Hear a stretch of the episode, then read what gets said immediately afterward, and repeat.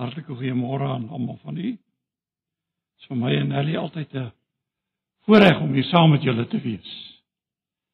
En uh vir ons tot groot seën om saam met die gemeente te kan aanbid, vir julle te leer ken en saam met julle ook iets te kan beleef.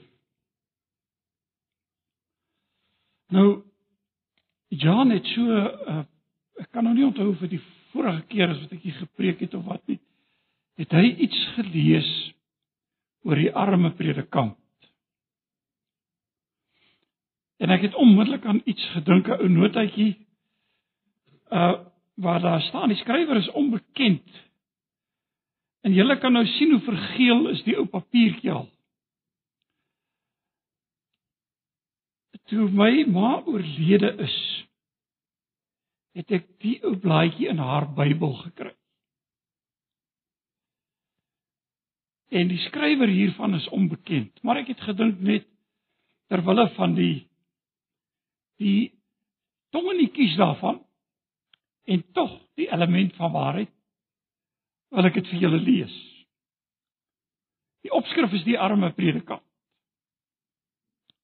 As hy jonk is, het hy geen ervaring. As hy grys is, word hy oud en stadig. As hy 5 kinders het, het hy te veel. En as hy een kind het, stel hy 'n slegte voorbeeld. As hy sy preek uitskryf of notas gebruik, is hy droog. As hy uit die vuis preek, is hy oppervlakkig.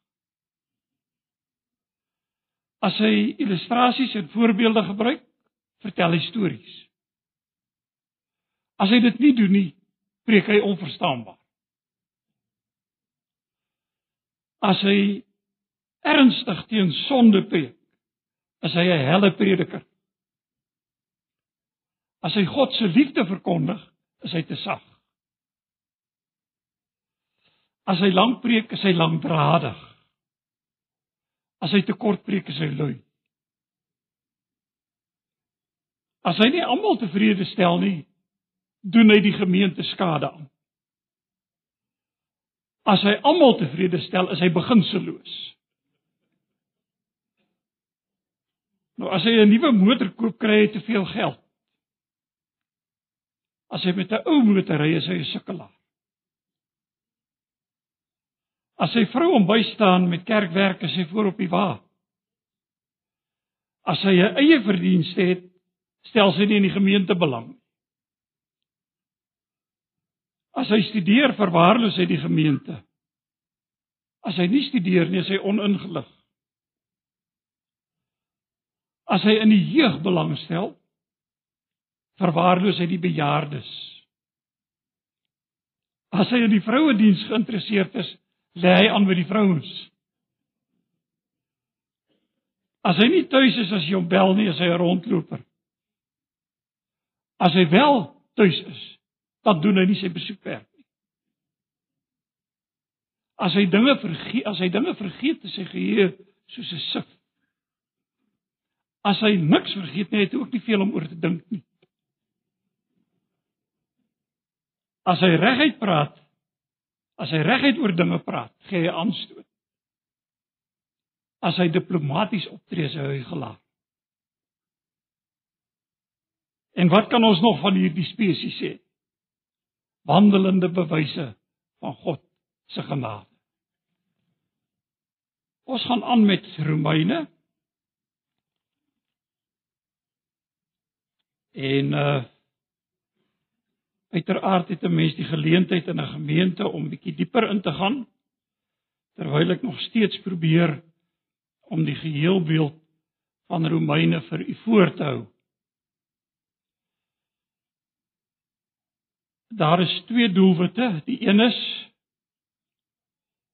dis verstommend hoe die woord 'n mens in jou eie hart aangryp as jy voorberei en as jy daarmee besig is. En tweedens is my bede is dat dit vir u sal motiveer om weer terug te gaan na Romeine. en weer 'n grondige studie van Romeine te maak. En om te sien wat dit vir jou persoonlik beteken. Nou, vanmôre kom ons by Romeine 7.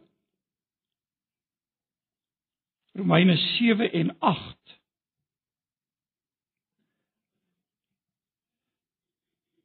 En ek gaan vir u voorlees eers uit hoofstuk 7. Maar voordat ons saam lees, kom ons buig net vir 'n oomblik. Ons hoofde in gebed. Ons dank U Here vir U woord. En dankie dat wanneer ons na U woord luister, wetende dat dit geïnspireer is deur die Heilige Gees, dat dit 'n God geademde karakter dra.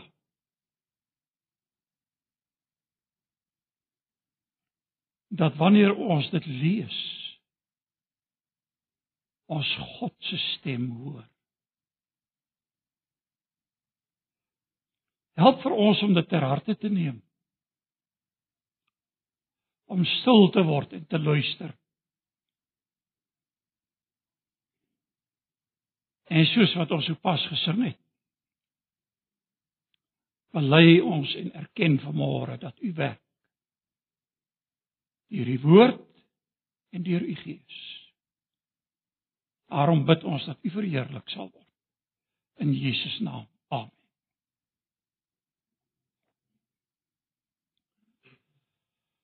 Nou as ek nou sê ek staan nou vanmôre in 'n sekere sin uh om om die woorde van die apostel Paulus aan die Korintiërs te gebruik. Ek staan voor julle in vrees en bewering dan is dit nou nie heeltemal ligtelik gestel nie. Vir die eenvoudige rede dat Romeine 7 veral letterlik deur die eeue nogal 'n verskeidenheid van interpretasies ontlok. En dat dit sekerlik by die interpreta interpretasie daarvan moeilik is vir enige iemand om sonder meer net te sê maar ek is nou absoluut seker van my sak. Nou moet u nou ook nie dink ek staan nou vanmôre in 'n vreeslike vertwyfeling. Want ek dink tog Romeine gee vir onsself die aanduiding hoe om dit te verstaan. Daar mag oor van die fynere besonderhede eh, verskillende opinies bestaan, maar ek dink oor die basiese beginsels wat hier ter sprake kom, sal ons konsensus bereik want u sal onthou eh, ons het begin met die uh, met die klagstaat in Romeine, die eerste gedeelte, eerste paar hoofstukke waar Paulus verklaar hoe dat die hele wêreld voor God skuldig is. Nou moet u onthou En dit moet ons nou ook by die lees van Romeine 7 en 8 in gedagte hou. Paulus skrywe aan 'n gemeente, mense wat die Here ken. Maar die saak wat hiermee saamgaan, onthou hy praat ook van mense wat nie die Here ken nie. Wanneer hy byvoorbeeld die skuldbrief, God se se klag staat aan die ganse mensdom voorlê. So dis die beginsels wat ons in gedagte moet hou. Dan het ons gekom by die tweede saak wat hier belangrik is en dis natuurlik die regverdiging, vryspraak deur die geloof in Christus Jesus. Veral daar in hoofstuk 3 en hoofstuk 4. En dan soos wat broer Mike vir ons genoem het hier vroeër, hy het dit goed onthou.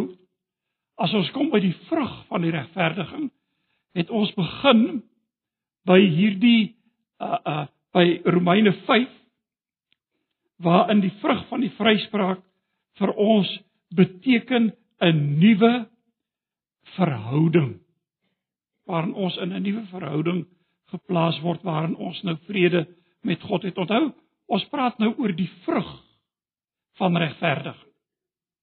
Paulus het gesê ons word geregverdig deur die geloof in Christus Jesus. Wat is nou die resultaat, die uitvloeisel, die vrug van hierdie regverdiging? Ons staan in 'n nuwe verhouding tot God. Daarom het ons nou vrede met God.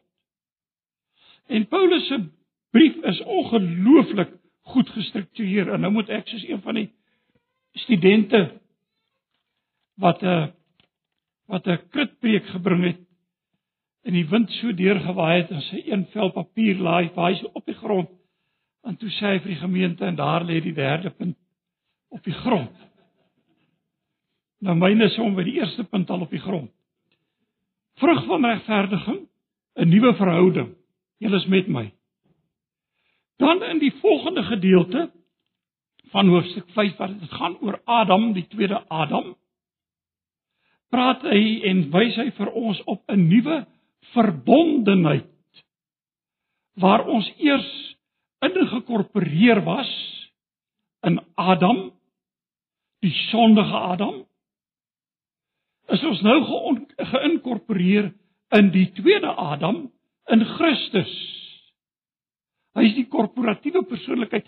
Alles die, kan kan nie sien hoe is dit die uitvloeisel van regverdiging. Ons is nou geïnkorporeer in hierdie nuwe verbondenheid met Christus.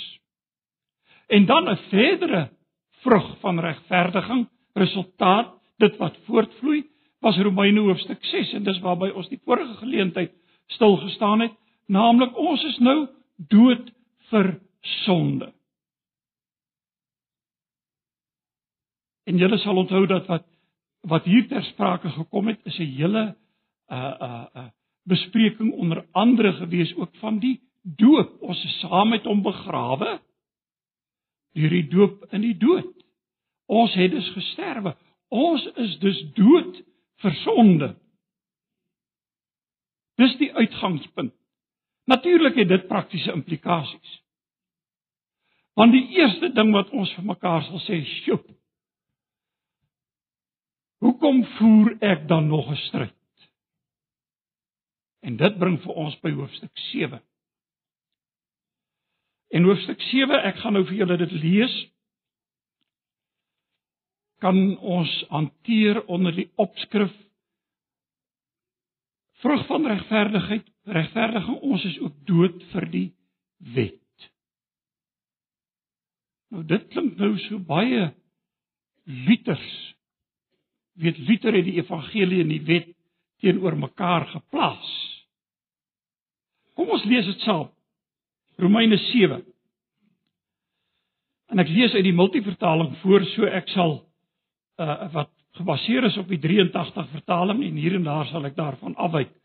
Julle weet broers en ek praat met mense wat op hoogte is van die wet van Moses. Dat die wet oor 'n mens gesag het solank as wat hy lewe. Die getroude vrou en hier sy illustrasie. Die getroude vrou byvoorbeeld is deur die wet aan haar man verbind solank as hy lewe. As haar man te sterwe kom, is sy onthef van die wet wat aan aan haar man gebind het.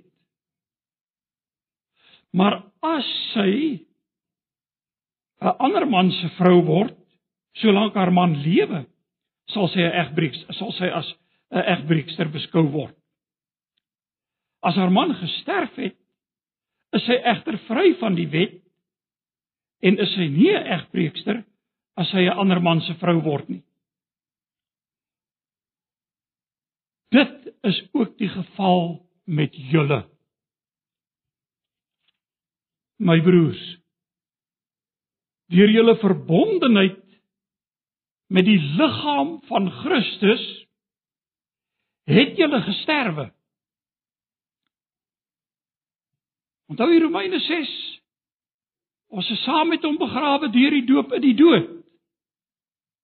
Hier bou hy voort. Deur julle verbondenheid met die liggaam van Christus het julle gesterwe en staan julle nie meer onder die wet nie. Julle behoort nou aan iemand anders. aan hom wat uit die dood opgewek is. Daarom moet ons nou 'n vrugbare lewe lei in diens van God. Toe ons nog 'n sondige lewensbestaan gevoer het, was die sondige hartstogte wat deur die wet wakker gemaak is, in elke deel van ons liggaam werksaam. En het ons vrugte gedra in diens van die dood. Maar nou is ons vrygemaak van die wet. Want ons het gesterf. En staan nie meer onder die wet waardeur ons gebind was nie. Nou kan ons dien in 'n nuwe bedeling van die Gees, nie in die ou bedeling van wetsvoorskrifte nie. Nou eers net ons fokus op hierdie gedeelte wat ons saam gelees het. Die apostel Paulus gebruik hier as hy oor die wet praat, die beeld van 'n huwelik. En nou moet ons nou tog net onthou die apostel Paulus is nie besig om die huwelik as sodanig te te bespreek nie. Ons moet terwyl ons Romeine 7 lees, altyd in gedagte hou, die apostel Paulus is besig om oor die wet te praat en die plek van die wet. En nou moet u onthou in die begin het hy gesê die wet in hoofstuk 1 en 2 verklaar ons almal skuldig. Dit doen hy ook hier in hoofstuk 7 in die volgende gedeelte wat ons nog na gaan kyk. Maar nou sê die apostel Paulus, deur ons verbintenis met Christus is ons soos daardie vrou wat se man oorlede is en omdat hy nou gesterf het, vir, is die wet nie meer van krag in daardie sin oor haar lewe nie. Sy's nou vry om 'n ander man sin te word. En nou kom die apostel Paulus en hy maak dit van toepassing en hy sê: "Maar ons as gelowiges, daardie gemeente het gesterwe.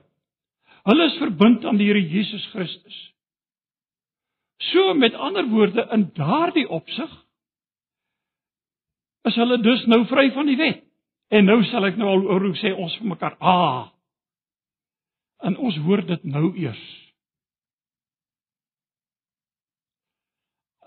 Ek is eintlik al bang om die die humoristiese prentjie wat ek jare terug gesien het in een of ander tydskrif wat dis nooit goed vir enige ou se moraliteit nie, maar julle sal onthou van Andy Cap. Ek dink nie die jong mense sal daarvan weet. 'n Gruwelike kerel. En hy staan eendag en daar stap nou 'n dametjie verby en hy staan in verwondering na die dametjie en kyk. En die predikant kom by hom en hy sê vir hom: Pas op. Die gedagte is net so goed soos die daad. En natuurlik die volgende prentjie wat jy van nou Andy Kep sien, is die stofstreep wat agter hom trek, so sê die meisiekind agterna sit terwyl hy vir homself sê en hy sê my nou eers. Nou klink dit so amper en jy weet dit was 'n probleem in die kerk deur die geskiedenis heen wat genoem is antinomianisme teen die wet. Met ander woorde, die wet niks te sê nie. Wat is dan nou die plek van die wet? Want weet jy, hier sê die Bybel vir ons, ons is verenig met die Here Jesus Christus.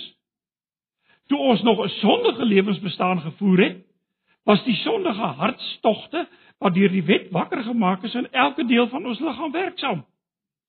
Maar ons is vrygemaak van. Die woorde van die apostel Paulus. Met ander woorde broer en suster, die wet kla my nie meer aan nie.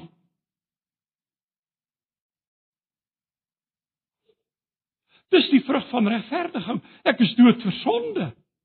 Maar ek is ook dood vir die wet. En dit bring vir Paulus by hoofstuk 7 hiervan af vers 7. Want nou sê Paulus en hier gebruik hy daardie argumentatiewe styl waar hy so amper 'n debat met homself tree. Wat sal ons nou van hierdie dinge sê? Wat is nou ons gevolgtrek? Dat die wet sonde is? Is die wet dan nou verkeerd? En hy antwoord hy sê beslis nie. Inteendeel sê ek sou nie geweet geweet het wat die sonde is as dit nie die wet was wat vir my gewaarsku het nie. En hy gebruik 'n pragtige voorbeeld. Hy gebruik die voorbeeld van begeerte. En dis juis daar waar die klag teen ons inkom. Eintlik wat die apostel Paulus hier doen, hy gryp so 'n bietjie terug na die paradysgeskiedenis. Adam en Eva daar in die tuin. En wat gee God aan hulle? Hy skape die mens. Hy gee vir hulle die tuin, alles om van te geniet, alles om dit so te stel wat hulle hartjies begeer. En toe kom die gebod. En dis waaroor die apostel Paulus hier praat. Toe kom die gebod. Jy sien nou maak die gebod 'n begeerte wakker. En die Satan kom met sy slinksheid. Na die vrug wat begeerlik was, sê die Bybel vir die oog. En die gebod sê jy mag nie. En die begeerte word opgewek. En die begeerte gee aanleiding tot die daad, tot die sonde. En die sonde gee aanleiding tot God se oordeel. En dis presies Luister saam met my. Ek wil dit hier vir julle lees. Kyk hier by vers 8. Miskien moet ek net vers 7 ook lees. Hier so van die middel af. Ek sou byvoorbeeld nie geweet het dat dit sonde is om te begeer nie as die wet nie gesê het jy mag nie begeer nie. Maar deur hierdie gebod het die sonde 'n vasstra plek gekry en elke soort begeerte in my aan die gang gesit wat sonder die, want sonder die wet is die sonde dood. Nou dink nou terug aan die skepping. Voorheen toe die wet nie daar was nie, het ek gelewe. Maar toe die gebod gekom het, het die sonde begin lewe en ek het gesterwe. Kan u sien hoe pragtig gebruik Paulus eintlik kan 'n mens teruggryp na die tuin van Eden in in in hierdie beeld wat die apostel Paulus gebruik. Die sonde kom, die wet het gekom en nou kom ek agter maar ek is vol sonde en broer en suster as daar een saak is wat ek dink nie een van ons enige twyfel oor het nie, as ons na onsself kyk dan besef ons hoe ernstig die saak van sonde is en hoe blootgestel ek en jy is. En hoe dikwels ons misluk. En jy weet dis nou sommer om ons nou negatief te maak vir oggend. En baie swartgallig te maak. Want hier staan ek as 'n skuldenaar. Ek staan absoluut skuldig. En nou sê die apostel Paulus hier in hoofstuk 7 uh, hier vanaf vers 9 voorheen toe die wet nie daar was net ek gelewe. Maar toe die gebod gekom het, het die sonde begin lewe en ek het gesterwe. Dit het gebleik dat die gebod wat bedoel was om vir my die lewe te bring vir my die dood beteken. Die sonde wat deur die gebod 'n vaste plek gekry het, het my deur die gebod mislei en my dood gemaak. En nou sal 'n mens se eerste reaksie wees: "Waar lê die fout?" By die wet. Die wet moes nie daar gewees het nie. En dis die apostel Paulus se hele argument. Nou maar wat nou van die wet? Nee, sê hy die wet is heilig. In vers 12. Sy voorskrifte is heilig en reg en goed. En dan vra hy, het dit wat goed is nou vir my die dood gebring? Nee, sê die apostel Paulus, dis nie wat die dood gebring het nie. Dis die sonde wat die dood gebring het. My skuld voor die wet. En dan kom ons nou en ek kan nou nie al die verse met u behandel nie. Dit gaan vir ons baie lank besig hou so ek ek lig die hoofmomente van Paulus se argument vir julle uit. Dan kom ons voor hierdie saak te staan waarin die waar waaroor die eeu oue 'n uh, stryd gaan. Vir wie skryf die apostel Paulus nie? Hier skryf hy nou vir gelowiges of skryf hy vir ongelowiges? Want hoe is dit dan nou? En luister wat sê hy. Ek wil hê julle moet dit saam met my volg hier vanaf vers 13. Kom ek lees die hele versie. Beteken dit dat iets wat goed is vir my die dood gebring het? Beslis nie. Inteendeel. Die sonde het vir my die dood gebring. Dit het die sonde gedoen deur iets wat goed is sodat die sonde in sy ware aard as sonde bekend sou word. Hoe verskriklik die sonde werklik is. Ek het verlede Sondag die voorreg gehad om om in 'n gemeente te preek. En ek het gepraat oor die uit Jeremia uit oor die onverklaarbaarheid van sonde. En Jeremia gebruik uh, die pragtige illustrasie wanneer God deur hom aan die woord kom en hy sê: "Hoe is dit moontlik dat hierdie volk, dat Juda my verlaat het? Toe sy my bruid was daar in die woestyn, het sy my in liefde gevolg. En wat doen sy nou? Sy doen iets wat nie eers onder die heidene bekend is nie. Die Bybel sê gaan 'n bietjie na die Kiteer eilande en kyk of jy so iets onder die heidene kry dat hulle hulle gode verruil. Maar julle het my verruil, sê God. En hy sê dis so goed soos wanneer jy nou in daardie droë, dorre wêreld 'n fontein van lewende water het. Jy's nou 'n boer, jy's afhanklik. Hier is 'n fontein op jou plaas. Borrelende lewende water. Jy kan aangaan met alles. En hier kom 'n ander ou na jou toe. En jy sê, "Wag 'n bietjie man, ek het, ek stel baie belang in daai klipbakke daar van jou. Hulle is nou wel gebars." En dit reën verskriklik min amper nooit. Maar ek sal hierdie verruil vir daai gebarste klipbak. Maak dit sin? Hoe genaamd nie.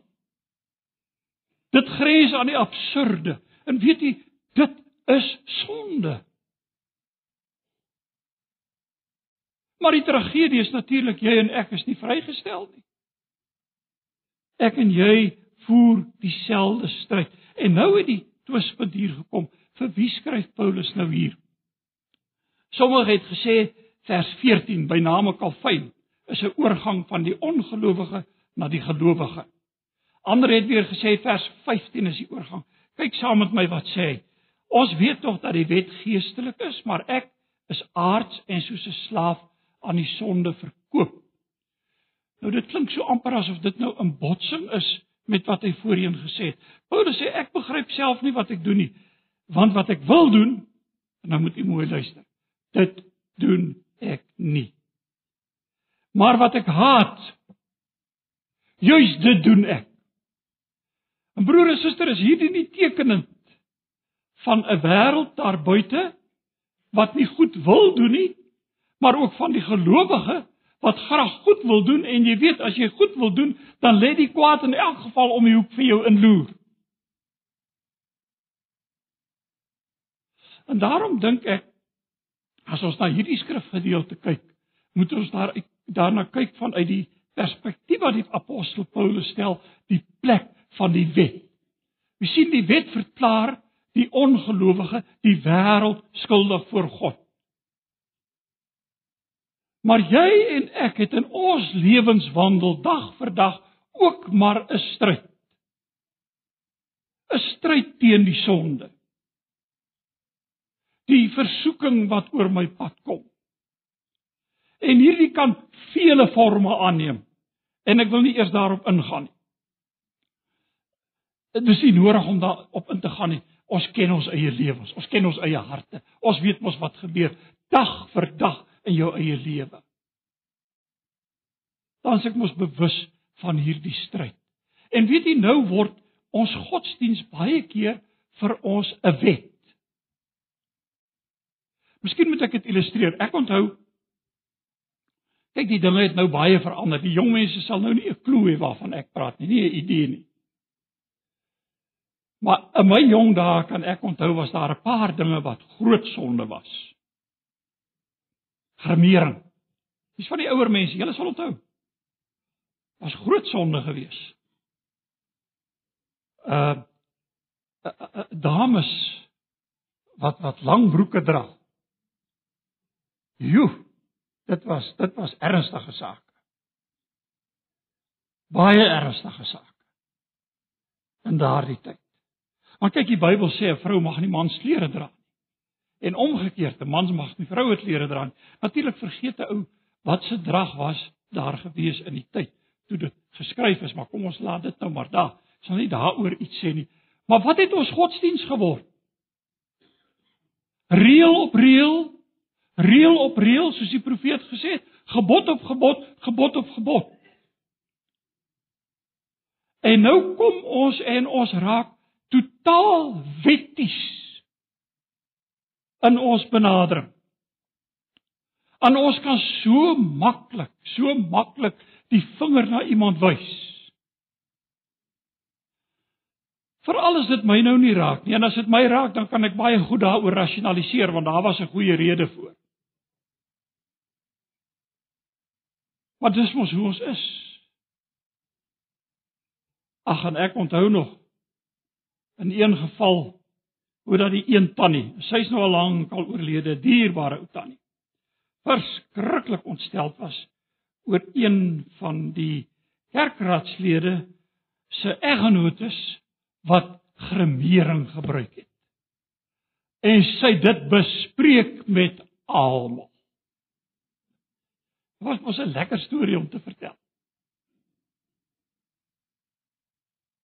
Is dit nie maar hoe ons baie keer as mense is nie. En die apostel Paulus sê, as ek die goeie wil doen, dan is ek kwaad by. En in plaas van die goeie doen ek die kwaad. Hy het dit neer daaroor in die hele daarop volgende gedeelte.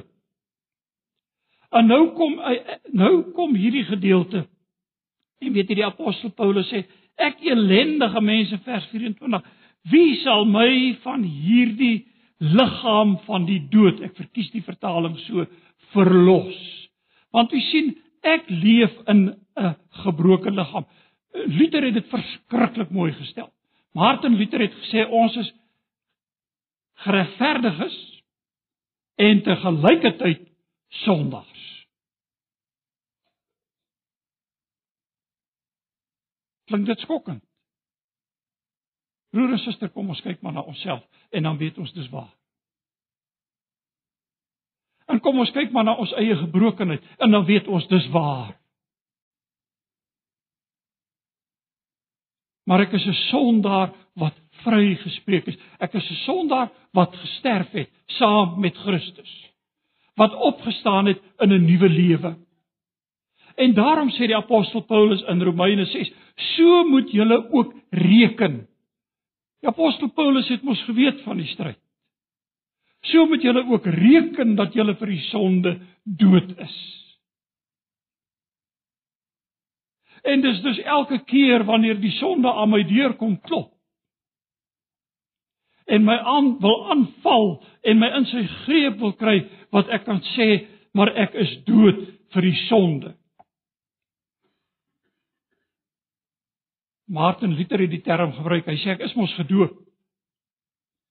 Nou uh doop sonder geloof sou daarom nou nie veel beteken het nie. So ek moet daarom sê ek is weergebore. Ek is nuut gemaak. Ek is gedoop. Ek het gesterwe. Ek het opgestaan in 'n nuwe lewe. So ek is dood vir die sonde. En ek is dood vir die wet, want die wet kan my nie meer aankla nie. En dit is wat gebeur. Weet jy, ek laat nou groot gedeeltes uit. Dis wat gebeur hier in Romeine hoofstuk 8. Luister hoe begin Romeine 8. Is dit nie die mooiste woorde nie? Daar is dus nou geen veroordeling vir die wat in Christus Jesus is nie. Luister hier, die wet van die Gees wat jou in Christus die lewe gee, het jou vrygemaak van die wet van sonde en dood. Daar's geen veroordeling nie. Broer en suster, ek en jy kan met vrymoedigheid gaan staan. Ek het in die dikwels in die verlede al gesê. Weet jy as God na my moet kyk en hy sien my in my ellende raak en ek staan voor hom is daar vir my geen hoop van watter aard ook al en ek dink hier is een van ons wat anders daaroor kan dink vanmôre as dit nie Dis die absolute waarheid. As God na jou en na my moet kyk, het ons geen hoop nie. Maar wat sê hierdie gedeelte vir ons? Die wet van die Gees, vers 2 van hoofstuk 8, wat jou in Christus die lewe gee, het jou vrygemaak. Vers 3, wat die wet nie by wagte was om te doen nie omdat dit wees ons sondige natuur te swak word, dit het God gedoen. Hier staan ons weet hier voor die wonder van God se genade. En dit is die vrug van geregtigheid wat hier ter sprake kom. Lewe deur die gees. So as u dit wil onthou ons het begin by die vrug van geregtigheid en gesê ons het 'n nuwe verhouding 'n nuwe verbondenheid dood vir die sonde dood vir die wet, lewend vir Christus deur die Gees.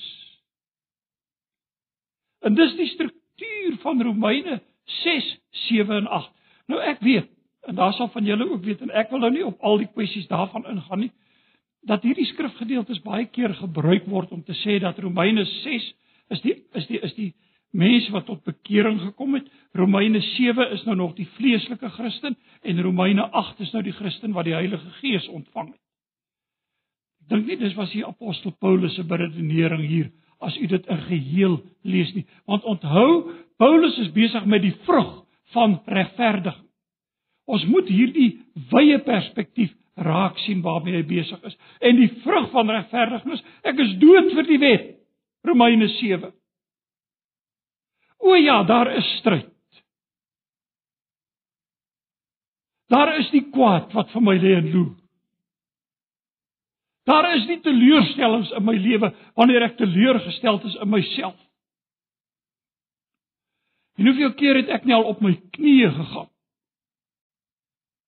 Skaam oor myself. Skaam oor my sondigheid. Maar dan skuil ek agter die een wat in my plek kom staan het.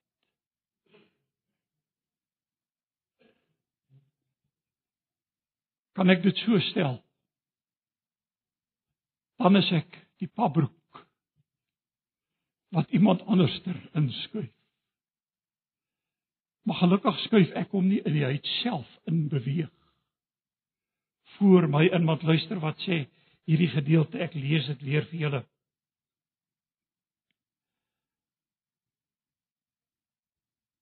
Vers 4. En hierdie lettertjies vir my is so klein gedruk. Nou kan ons aan die eise nee, vers 3, ekskuus. Wat die wet nie by wagte was om te doen nie omdat dit wees ons sondige natuur te swak was, dit het God gedoen. Luister hoe. Hy het dit hy het met die sonde afgereken. Hoe? deur sy eie seun in dieselfde gestalte as die sondige mens te stuur. Jesus het die mens vir alle mense geword. Jesus het die mens in my plek geword. Ek kan dus agter hom skuil. Dis wat die apostel Paulus sê. So het hy die sonde in die sondige bestaan van die mens veroordeel. Die oordeel is gevel. Vir die wat in Christus Jesus is, het die oordeel klaar het die oordeel klaar geval want Jesus het daardie oordeel gedra in jou en in my plek. Dis wat die apostel Paulus hier sê. Met ander woorde ek is vry. Ek is vry van die wet om die sonde te dien. Nee, hoe kan dit? Ek het dan gesterf vir die sonde. Hoe kan ek die sonde dien? Hoe kan ek daarin volhard? Hoe kan ek daarin leef? Ek mag nie, ek kan nie. Ek leef 'n nuwe lewe.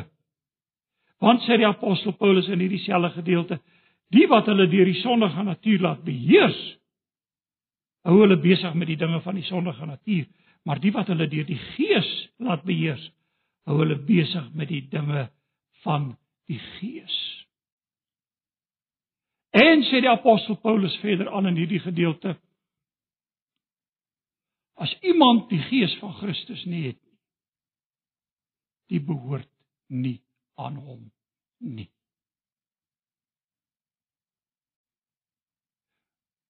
Miskien moet ek vanmôre vra, hoe weet ek dit? Ek weet dit op grond van God se woord. Wat hy deur sy gees aan ons bevestig. Ek het geen ander waarborg nie. Daar is geen ander waarborg nie. Daar is geen ander sekuriteit nie. Want ons wandel nou deur die Gees en laat ons nie deur die sondige natuur beheers nie.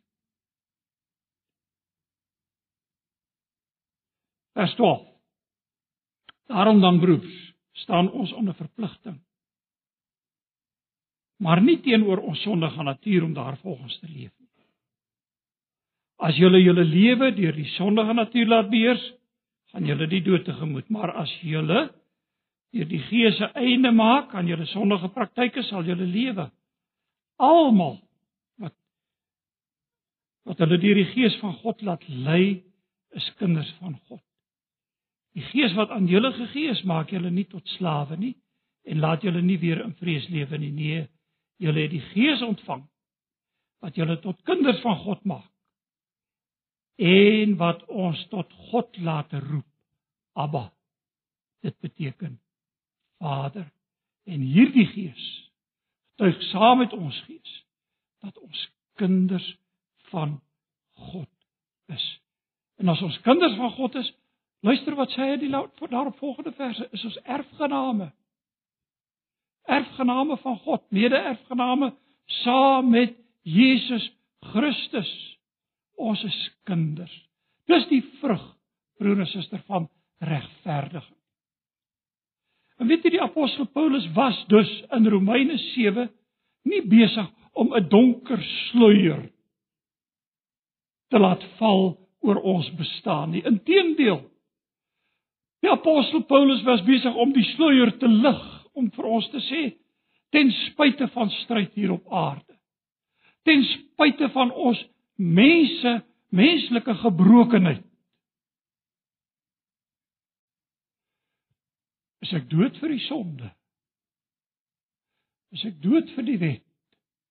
Lewend vir Christus. Dis sy fokuspunt en lewe ons deur die Gees. En dan natuurlik en dit gaan ek nou nie met julle behandel nie. Ek sal nie so ver gaan nie ek sal julle dit spaar.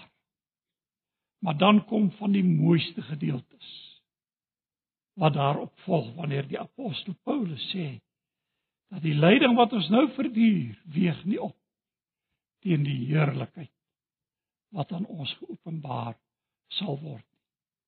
En dis vir my, weet jy, ek ek is ongelooflik lief vir hierdie gedeelte. Dis vir my so wonderlike vertroosting. En wat is dit? die vrug van regverdiging. Dood vir die wet. Lewend vir God in Christus Jesus. Dis die vrug van regverdiging. Dis die resultaat wat voortgevloei het uit die feit dat Jesus Christus ons in ons plek kom staan het en sy geregtigheid vir jou en vir my toegereken En eintlik behoort ek en jy dus vanmôre opgewonde en bly te wees. Behoort ons vrolik te wees om te weet ek is dood vir sonde. Dood vir die wet. Lewend vir God in Christus Jesus. En my bede is dat in hierdie in hierdie poging om vir u te probeer verduidelik wat wat my betref van die moeilike gedeeltes is in die Bybel. Dat my bede is dat u dit verstaan. Maar meer nog dat dit vir ons sal vervul met onuitspreeklike blydskap. Vir dit wat God in Christus vir jou en vir my gedoen het. En Paulus sê dit het hy gedoen. Toe ons nog sondaars was. Ons buig ons hoofde gebed.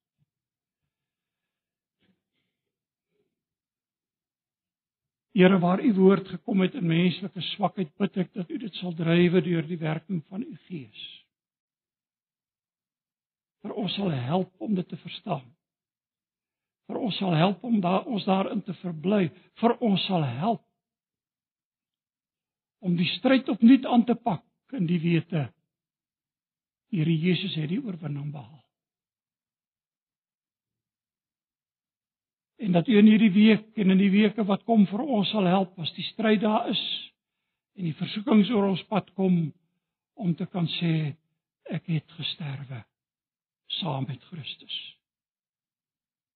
Lewend gemaak opgewek 'n nuwe lewe in Christus Jesus deur die Heilige Gees. Gee dat daardie waarheid ons oomblik na oomblik sal besiel Ons bid dit in Jesus naam. Amen.